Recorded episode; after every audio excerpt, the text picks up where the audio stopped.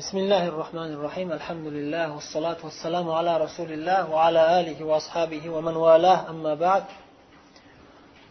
oradan ma'lum bir muddat o'tib darsimiz to'xtaganidan keyin yana qaytadan boshlaymiz inshaalloh alloh taolodan ixlos va barakot so'rab qolamiz oxirgi darsda o'ttiz ikkinchi hadisni o'qib to'xtagan ekanmiz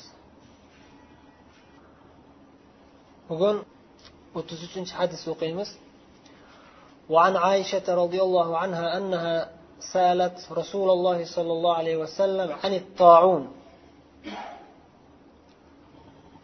فأخبرها أنه كان عذابا يبعثه الله تعالى على من يشاء فجعله الله تعالى رحمة للمؤمنين.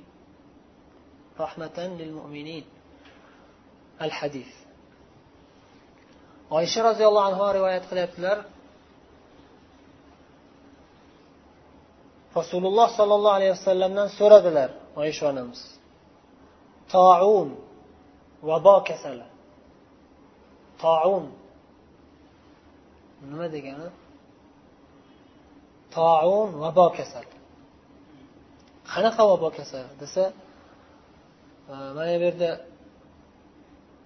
lisonil arab kitobidan iqtibos keltirib aytilyaptiki arab lug'ati bo'yicha eng katta mashhur mu'tabar imomlardan birlari kim? Ibn manzur lisanul arab degan kitoblar bor o'n besh mujallatlik o'sha kitobdan hujjat keltiriladi ko'pincha. Al vaba allazi يفسد lahu al hawa به bihi al abdan shunday vabo bo'ladiki havoni buzadi. Zaharlaydi ya'ni. Ob havo zaharlanadi. Ob havo zaharlanadi abdan havo zaharlanishi oqibatida insonlarning badani inson a'zolari qoni va hokazo u ham zaharlanadi. Shu bilan odamlar o'lib ketadi qirilib ketadi. Demak toun toun e, bu yerda shayx ibn usaymin sharhida aytyaptilarki ba'zilar muayyan bir kasallikka ba'zilar kullu vabain am yahillu bil ard fayusibu ahlaha va yamutu nasu minhu. Ma'lum bir yerga ma'lum bir mintaqaga ma'lum bir mintaqaga shu umumiy bir balo kasallik umumiy bir kasallik e, kelib o'shani oqibatida odamlar qirilib ketsa taun kasali deb aytishadi taun deb aytishadi. O'zi taun lug'atan olib qaraganda ham taanadan olingan. Taana degani nima degani sanchib degani ya'ni pichoq tiqib o'ldiradi misol uchun bir odamni xudo saqlasin bir kishi qotil bo'lsa misol uchun. Taun shu bir odamlarni o'ldiradi degan ma'noda. Lug'atdan olinishi. Lekin o'sha istilohda shunday bo'lib qolgan. Umumiy bir kasallik. Umumiy kasallikni o'zi har xil. Shu ba'zi bir olimlar ba'zi bir e, ahli ilmlar ma'lum bir ot bilan tanilgan bir kasallik hammaga yo'qadigan kasallik deb aytishgan. Uni nimaligini aytmabdilar bu yerda yana boshqa ulamolar yo'q. Odamlarni umumiy sifatda o'ldirib yuboradigan kasalliklarga hammasiga qanaqa kasallik bo'lishidan qat'iy nazar hammasiga toun deyilaveradi. Bu yerda o'sha oysha onamiz payg'ambarimiz sollallohu alayhi vasallamdan so'rayaptilar toun haqida. Nimaga toun umumiy bir kasallik keladi hamma o'lib ketadi. Nima hikmati bor degan ma'noda so'ragan bo'lsalar kerak. Shunda payg'ambarimiz sollallohu alayhi vasallam javob berib aytgan ekanlarki bu kasallik umumiy odamlarni qirilib ketishiga sabab bo'ladigan kasallikni alloh taolo o'zining xohlagan bandalarining boshiga tushiradi. Azob sifatida azob uqubat. Bu dunyoviy bir azob sifatida dunyoviy bir uqubat sifatida yuborardi deyaptilar. Yuborardi degani ya'ni avval ham hozir ham shunday umuman umumiy bir azob sifatida yuboradi. Lekin alloh taolo rahmatan lil mu'minin mana shu ummatdan mo'minlarga islom ummatiga mo'minlarga xususan mo'minin deyaptilar muslimin emas mo'minin deyaptilar. Bu yerda hikmati bor. Mo'minlarga olloh allohning bir rahmati bo'ladi bu taom. Bir tomondan bu musibat. Odam o'lib ketadi bu bilan musibatligi zohir lekin allohning rahmati ekanligi ham ilmi bor odamlarga ochiqdan ochiq zohir. Bir qancha jihatlardan allohning marhamati. Shulardan birini allohning rahmati ekanligini payg'ambarimiz sallallohu alayhi vasallam keyin hadisni davomida sharhlab aytganlarki فليس من عبد يقع في الطاعون فيمكث في بلده صابرا محتسبا يعلم أنه لا يصيبه إلا ما كتب الله له إلا كان له مثل أجر الشهيد allohning marhamati ekanligi mana shu kasallik tufayli mana shu vabo kasalligidan o'lib ketadigan odamlarga musulmon mo'min kishi bo'lsa shahidlik ajri berilishi bu allohning marhamatini ko'rinishlaridan biri. Allohning marhamatini aytyaptilarda bu yerda payg'ambarimiz sallallohu alayhi vasallam. Shunday. Mo'minlarga iymoni kuchlilarga desak ham to'g'ri bo'ladi inshaalloh. Allohning rahmati bo'ladi. Allohning rahmati bo'ladi bu kasallik. O'zi aslida nafaqat bu kasallik barcha musibatlar allohning rahmati. Lekin buni alohida fazilati bor. Buni alohida chunki buni buni qarshisida e, inson har xil choralar ko'rishni o'ylab qoladida. Balki imkoniyati ham bo'lishi mumkin lekin buni qilmaslik kerak bo'ladi. O'shaning uchun aytyaptilarki bu narsa hamma hamma ham qilavermaydida bu ishni. Hamma ham qilavermaydi. Majburlanmasa hamma ham bu narsaga rozi bo'lmaydi. Insoniy jihatdan lekin iymoniy jihatdan kelsa rozi bo'ladi. Qaysi bir mintaqada yashayotgan bo'lsa o'sha mintaqaga mana shunday bir vabo kasali kelsa va mana shu inson o'sha o'sha o'sha mintaqada yashayotgan inson shu kasallik tarqagandan keyin sabr qilib muhtasiban allohdan ajr umid qilib o'sha yerda qolsa hali kasallik yuqmadi unga. Zohiriga qaraganda. Chiqib ketsam qutulib qolaman degan narsa bor. Misol qaysi bir qishloqda yashayotgan bo'lsa o'sha yerga bir vabo kasali keldi. O'sha yerda qolib ketsa o'lib ketishligi gumon juda kuchli. Yuz foiz aytolmaydi hech kim. Olloh biladi faqat yuz foiz. Lekin gumon kuchli to'qson foiz to'qson besh foiz. Taxmin qiladiki o'lib ketaman deydi.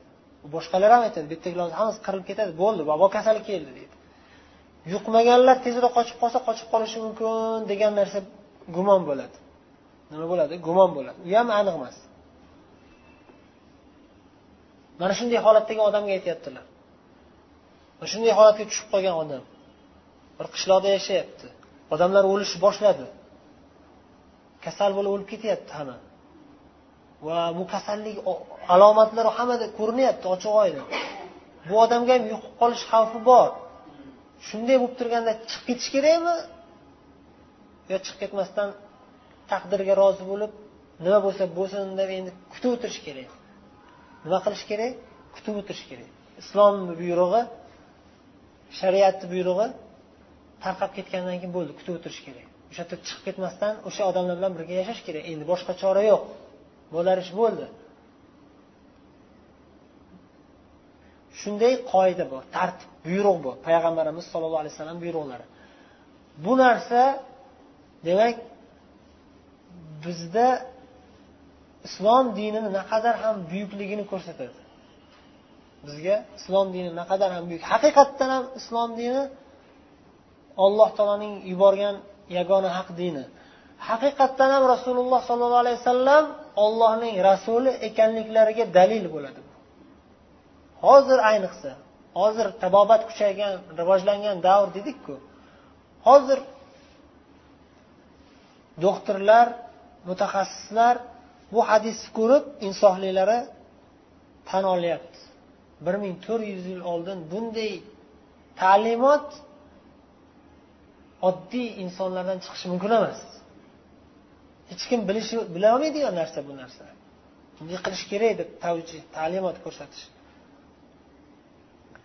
Bir ming to'rt yuz yillar oldin rasululloh sollallohu alayhi vasallam shunday yo'l ko'rsatib qo'yganliklari ollohning vahyi bilan bo'lib o'sha narsa haq to'g'ri ish ekanligini hozir doktorlar iktishof ya'ni o'sha narsani to'g'ri tushunib yetib va shu narsani amalga oshirishyapti qayerda bir vabo kasalligi tarqasa o'sha yerdagi odamlarni maxsus bir joylarda saqlashadi.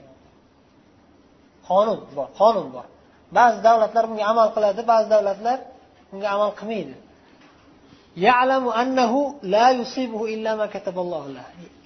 Rasululloh sollallohu alayhi vasallam aytyaptilarki qaysiki bir bandaga shunday bir musibat kelsa toun kasalligi tarqagan joyda yashayotgan banda shu kasallik tarqagandan keyin o'sha yerda o'sha shahrida alloh uchun sabr qilib allohdan ajr umid qilib va shunday bir to'la ishonch bilan e'tiqod qilsaki alloh taolo taqdirda bitgan narsa yozgan narsa bo'ladi. Yozmagan narsa bo'lmaydi. Degan e'tiqod bilan o'sha yerda qolsa nima bo'ladi? Shahidlik ajri deb bo'ladi savob bo'ladi dedilar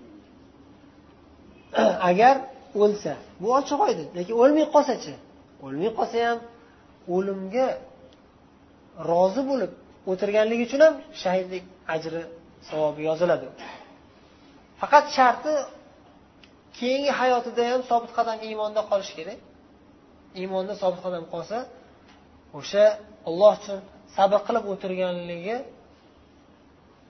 ajr shahidlik ajri berilgan holatda qoladi inshaalloh. Ya'ni bu ollohni marhamati ekanligini bir ko'rinishi juda ham buyuk marhamat shahid. Shahidlik maqomi eng oliy maqomlar. Endi birinchi boshida nima dedilar? Boshida aytdilarki ollohning azobi edi bu. Kofirlarga fosiqlarga munofiqlarga umuman ya'ni dindan uzoq bo'lganlarga bunday musibatlar nima? Azob bo'lib keladi bu bu dunyodagisi oxiratdagisini bilmaymiz. Nafaqat toun nafaqat vabo kasali allohni azobi ko'p. Turli xil shu dunyoni o'zida ham. Turli xil jazolar turli xil balolar alloh taolo yuboradi insonlarni boshiga.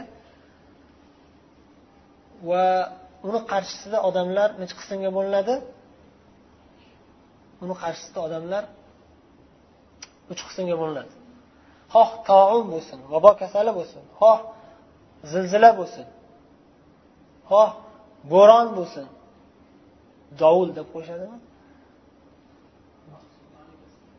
Xoh tsunami dengiz bosib suv bosib ketsin. Indoneziyada ikki ming sakkizinchi ikki ming to'rtinchi yilda ikki yuz ming uch yuz ming odam. Kam eng kamida aytganda shunday deyishdi ikki yuz ellik ming odam deyishdi. Kamaytirib aytganlar birdaniga zilzila bo'ldi. Zilzilada o'lganlar o'ldi. O'lmaganlar zilzila orqasidan bostirib kelgan sunami deb ataladigan o'sha to'fon bosib ketib suv bosib ketib o'lib ketdi. Ikki yuz ellik ming odam. U yerda nechi xil odam bo'lgan o'sha yerda? Misol uchun uch xil odam bo'lgan. Biz hozir o'shani aytyapmiz. Alloh taoloni balosiga nisbatan alloh taoloni balosi kimni boshiga tushsa qaysi bir mintaqaga kelsa allohni bir balosi u yerdagi odamlar uchtadan bittasi bo'ladi. Yoki birinchisi deylik eng yomonidan boshlasak kofirlar. Birinchi toifa odamlar kofirlar. Bu hadisni boshida aytilgan toifa. Hadisni boshida nima dedilar? Kana azaban ala man yasha. Alloh o'zini xohlagan bandalarini boshiga yuboradigan azob azob bo'lgan. Nima u? Tou vabo kasali va boshqa musibatlar kofirlarni boshiga kelsa u bu dunyodagi bir allohni balosi bo'ladi. Ularga o'sha kufri uchun tug'yoni uchun olloh bir kichkina bir jazo yuboradi. Kichkina bir balo uqubat yuboradi. O'sha bilan ular o'lib ketadiganlar o'lib ketadi o'lmasdan tirik qolsa muhlat berilgan bo'ladi. O'lmasdan tirik qolgan kofirlar ollohni balosi kelmadi ularga emas alloh taolo ularga muhlat berdi. Yana ko'zi ochilsa ochilar. Tavba qilsa tavba qilar degandek ikkinchi toifalar unda ulardan sal ya'ni yomonligi kamroq ya'ni musulmon lekin fosiq gunohkor fojir musulmonlar. Bularga ham nima bo'ladi? Bu balolar kasalliklar yoki zilzilalar yoki o'sha to'fonlar nima bo'ladi? Balo bo'ladi jazo bo'ladi uqubat bo'ladi azob bo'ladi bu dunyoda. Buni qarshisida ularni ham holati ikki xil. Shu o'zi fosiq fojir musulmon bo'lsa ham boshiga balo tushganida ikki xil holatdan birida bo'ladi. Birinchi holati nima bo'ladi? Tavba qiladi. Tavba qilib yaxshi bo'lib ketadi. Shunda nima bo'ladi? Kafforat bo'ladi. Ikkinchi holat tavba qilmasdan yana yuraveradi. Yana undan battar balo keladi keyin. Bu dunyoda kelmasa oxiratda keladi. Alloh asrasin. Uchinchi toifa odamlar eng yaxshi odamlar. Ularni boshiga bir balo kelsa musibat kelsa bir vabo kasallik bostirib kelsa uchinchi toifa eng yaxshi odamlar mo'minlar payg'ambarimiz sollallohu alayhi vasallam hadisni ikkinchi qismida aytganlari. Taala rahmatan lil mu'minin. Mo'minlarga alloh taolo buni olloh rahmat o'zining rahmati marhamati qilib yuboradi dedilar. Musibat to'g'ri. Musibatlar har xil. Kimdir vafo kasali bilan o'lib ketadi kimdir oddiy ko'rpasida o'lib ketadi. Kasal bo'ladi oddiy o'lib ketadi. Yosh qarib sakson yoshga borib o'lar to'qson yoshga borib o'lar baribir o'ladi. Kimdir jihodda shahid bo'lib ketadi. Kimdir yonib ketib qolishi mumkin. Kimdir avtohalokatga uchrashi mumkin. Har xil. Taaddadat al asbab val maut vahid har xil sabablar bo'lsa ham natija bir nima? Al maut vahid o'lim bitta. Insonda jon bitta o'ladi tugaydi. Demak bu dunyo nima o'zi? Bu dunyo o'zi imtihon. Kimdir hamma qachondir o'ladi. Hammamiz o'lamiz. Har xil o'lim bo'lsa ham lekin baribir hammasi bitta joyga borib taqaladi. Baribir hamma o'ladi. Lekin alloh taolo bizni o'limimizni eng yaxshi o'limdan qilsin.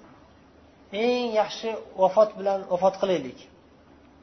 Mana shulardan bittasi eng yaxshi vafot qilishlaridan bittasi allohning marhamati ekanligi shu. Eng ochiq ko'rinib turgan ko'rinishlardan biri. Vabo kasalida olloh uchun sabr qilib o'lib ketish. Shahid bo'lib ketish bo'ladi. Shahidlik maqomiga ko'taradi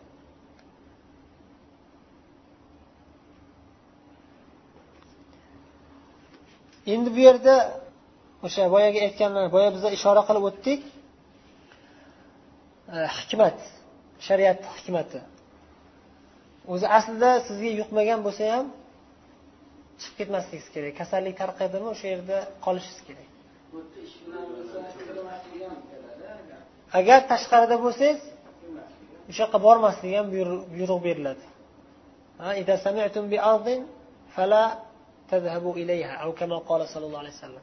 boshqa hadisda kelgan qaysi bir mintaqada vabo kasalligi tarqaganini eshitsanglar o'sha yoqqa bormanglar degan o'sha yoqqa kirmanglar bu ham o'sha shariat hikmatligidan endi boshqa hadis bilan qanday jam qilamiz bitta hadisda rasululloh sollallohu alayhi vasallam la adva dedilaryu yuqmaydi kasallik dedilaru qanday jam qilamiz kasallik yuqmaydi o'zi aslida dedilar illa bitaqdir minalloh taqdirda yozilgan bo'lsa yuqadi. Taqdirda yozilgan bo'lsa yuqadi. Va o'shani dalillaridan biri mana shu ya'ni taqdirda bo'lsa illa ma kataballohu la la yusibuhu illa ma kataballohu lahu. Shu shunday deganlarida ya'ni yuqmaydi deganlarida rasululloh sollallohu alayhi vasallam shuni aytganlarida sahobiylardan birlari savol berdilar. Qanaqasiga ey rasululloh mana misol uchun tuyaga bir kasallik yuqadi o'sha kasallik tufayli boshqa tuyalarga ham yuqib yuzlab tuyalar o'lib ketib qoladiku dedi. Voqeda ko'rayotganlar. Shunda birinchi tuyaga qayerdan paydo bo'ldi? Birinchi tuya qayerdan kasal bo'ldi? Unga kim yuqtirdi? Ya'ni taqdir.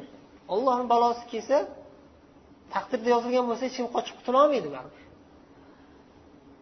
hozirgi zamondagi islomiy ham dunyoviy ilmlar bo'yicha ancha mutaxassis mashhur ulamolardan birlari taniysizlar o'zinglar ham eshitgansizlar shayx abdulmajid zindaniy shayx abdulmajid zindoniy bu zindoniy mana shu masalada ham shariatni juda ham buyukligini al ijaz ilmiy deb qo'yadi. Ilmiy mo'jizalarini bayon qilganlar.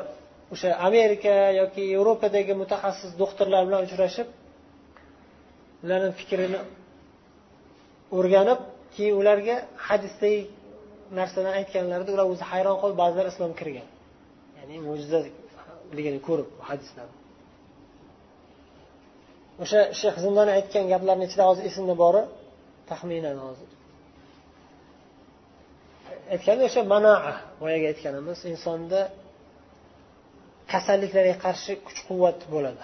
O'zi kasallik hamma yoqda havoda aylanib yuradi. Lekin odamlarda alloh taolo himoya himoya yaratib qo'ygan insonda. Odamlarda o'sha manaa bor. Ana shu narsa bilan kasal bo'lmay yuradi odamlar. Kasallik yuqmaydi deganlarida rasululloh sollallohu alayhi vasallam ya'ni o'zi kasallik hamma yoqda tarqaveribdi yuqmayapti deganday o'zi hamma yoqda kasallik bor hozir ob havoda hamma yoqda zaharlar bor. Lekin insonni jismi organizmi deb qo'shadi o'rganib qolgan. O'sha narsaga kasal bo'lmaydi. Lekin qachon yuqadi kasallik? Mana shu himoya yo'qolsa. O'sha bu ham bir ollohni balosi insondagi o'sha olloh yaratgan manaasi zaiflashib ketsa yoki yo'qolib ketsa keyin kichkina kasallik kelsa ham yiqib o'lib ketib qolaveradi. Inson o'zida ayb ya'ni xuddiki. Bu hadisdan demak ikkita narsa o'lyapti. Birinchisi taqdirga rozi bo'lishlik ikkinchisi sabab bajarishlik. Sabab bajarishlik. Sabab bajarishlik qanday? Taqdirga rozi bo'lishlik ya'ni boshingizga tushdi endi sabr qilib o'tiring deymiz. Shu joydamisiz endi shu joyda o'tiring. Sababni bajarishlik mana shu yerda qolishlik ham bir sabab bajarishlik va chiqib tashqaridagi odamlar bu yerga kirmasligi ham bir sabab bajarishlik. Har bir narsani olloh sababiga bog'lagan. Bu yerda qolgan odamlar tashqariga chiqsa mana shu kasallik tarqagan joydagi odam boshqa yoqqa borsa o'sha yoqqa ham ko'chirib ya'ni yuqishiga sabab bo'ladi. Taqdir shunday yozilgan bo'lsa bo'lib ketadi. Lekin shuni aniq bilmasak ham shunga amal qilishimiz kerak. Tashqarida yurgan odam bu yoqqa kirsa u ham kasal bo'lib o'lib ketish ehtimoli bor kirmasin deymiz.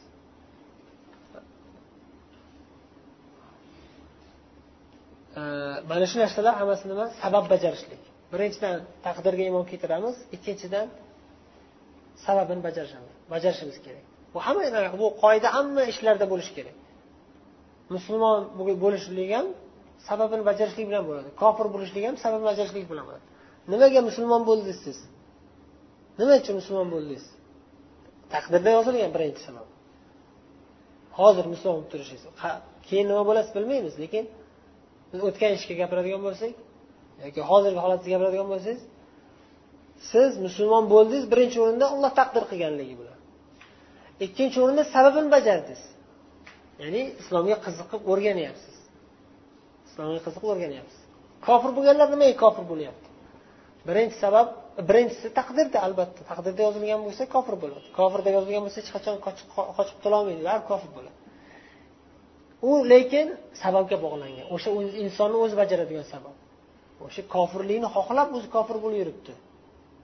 O'zi harakat qilish uchun kofir bo'lib yuribdi deymiz. Bular hammasi demak taqdirga taalluqli va bir jihatdan ikkinchi jihatdan sababga bog'liq.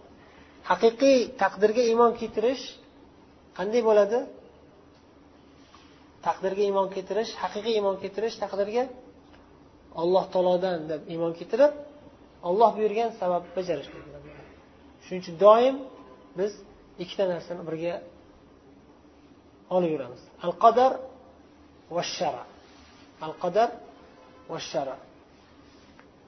Al qadar taqdir alloh taolo hamma narsani taqdir qilib qo'yganligi bunga iymon keltiramiz. Va shara olloh buyurgan shariatga amal qilamiz. Bizga buyurilgan shunday deb. Musulmon bo'linglar degan alloh taolo mo'min bo'linglar degan mo'min bo'lishimiz kerak musulmon bo'lishimiz kerak. Shariat bu. Allohu taala alam.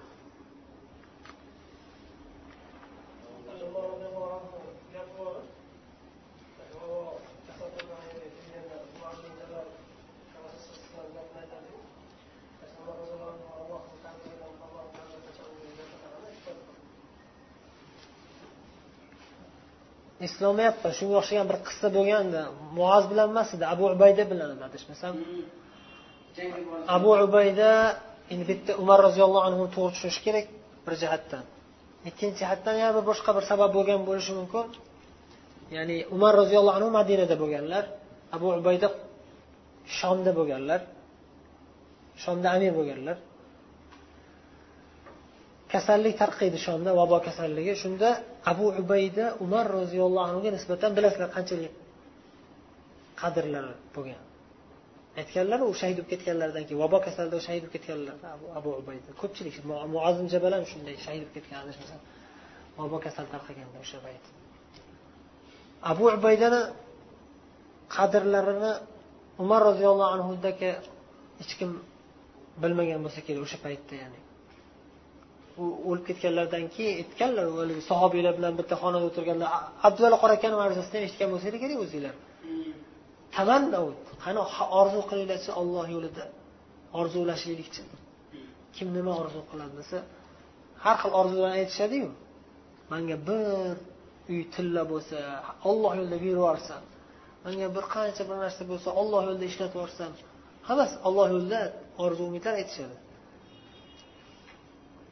Shunda umar roziyallohu anhu aytadilar manga shu uyga to'la deydilar shu abu ubaydaga o'xshagan insonlar kerak manga. Aminu hadil umma ya'ni. Payg'ambar guvohlik bergan zot va haqiqatda amalda ko'rsatganlar shu narsani. Abu ubaydani qissalarini o'qisanglar ajoyib payg'ambarimiz davridagi qissalarda ham ajoyib ibratli rivoyatlar bor. Shu abu ubayda o'lib ketishidan qo'rqqanlar. Aytganlar hattoki bir o'rinda o'layotganlarida shahid bo'lganlarida umar roziyallohu anhu o'lishlaridan oldin aytganlar u agar abu ubayda tirik bo'lganida degan. Abu ubaydani xalifa qilib saylardim degan. Abu ubayda tirik bo'lganda abu ubaydani xalifa qilib ketardim. Taraddud qilib o'tirmasdim. Qiyomatda alloh taolo nimaga uni xalifa qilib saylading desa rasululloh sollallohu alayhi vasallam amin deganlar. Mana shu ummatni omonatdori shu deganlar. Hujjatim bor degan ma'noda ya'ni. Xullas mana shu jihatlari bilan umar roziyallohu anhu abu ubaydani qutqarib qolish maqsadida keling deb chaqirganlar. Siz tezroq keling vabo kasal tarqab ketib qolishidan oldin. Bu bir jihat ya'ni. Abu ubaydani ahamiyati buyukligi ikkinchi jihat hali keng tarqalmagan bo'lgan deb o'ylaganlarda. Abu ubayda yo bo'ldi biz shu yerda qolamiz keng tarqalgan. Qolib ketganlar o'sha yerda va shahid bo'lib ketganlar vabo kasalligi va bu vabo kasalligi yana bitta nuqta aytish esdan chiqibdi. Bir keladi keyin ketadi u. Hamma qirilib ketmaydi. Hamma qirilib ketmaydi odatda. Bu ba'zida shu hamma qirilib ketadi. Bir qishloq misol uchun kelsa bir qishloq hammasi qirilib ketadi. Hamma o'lib ketadi. Lekin ba'zida shunday holatda ko'pincha bu ham uchraydi bir yil ikki yil shu vabo kasalligi tarqab bir qancha minglab odam o'lib ketadi lekin o'sha qishloqda o'sha odamlar orasida tirik qolganlar ham keyin hech narsa bo'lmasdan yashab ketaveradi. Bu nimani dalolati? Haqiqatda taqdir kimgadir kasallik ta'sir qiladi kimgadir ta'sir qilmaydi kimgadir yuqadi kimgadir yuqmaydi. Bu hammasi allohni taqdiri bilan allohni hikmatiga binoan bo'ladi. Hozir aytyaptilar mana shu hadisda ya'ni sabablaridan biri allohni jazosi bo'ladi balosi bo'ladi. Yoki allohni marhamati bo'ladi.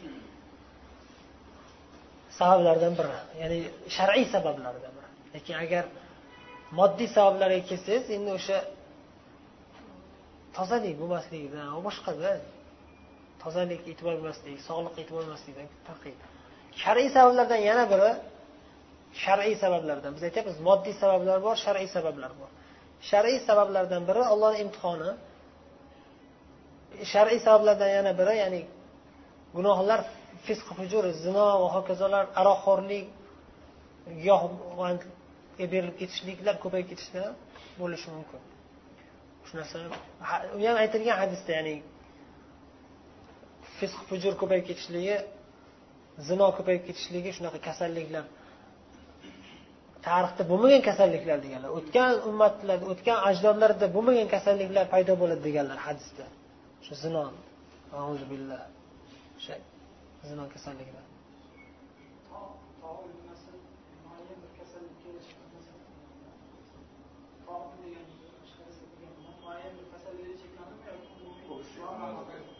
o'shani aytdikku boya shayx usaymin sharhida aytdilaru.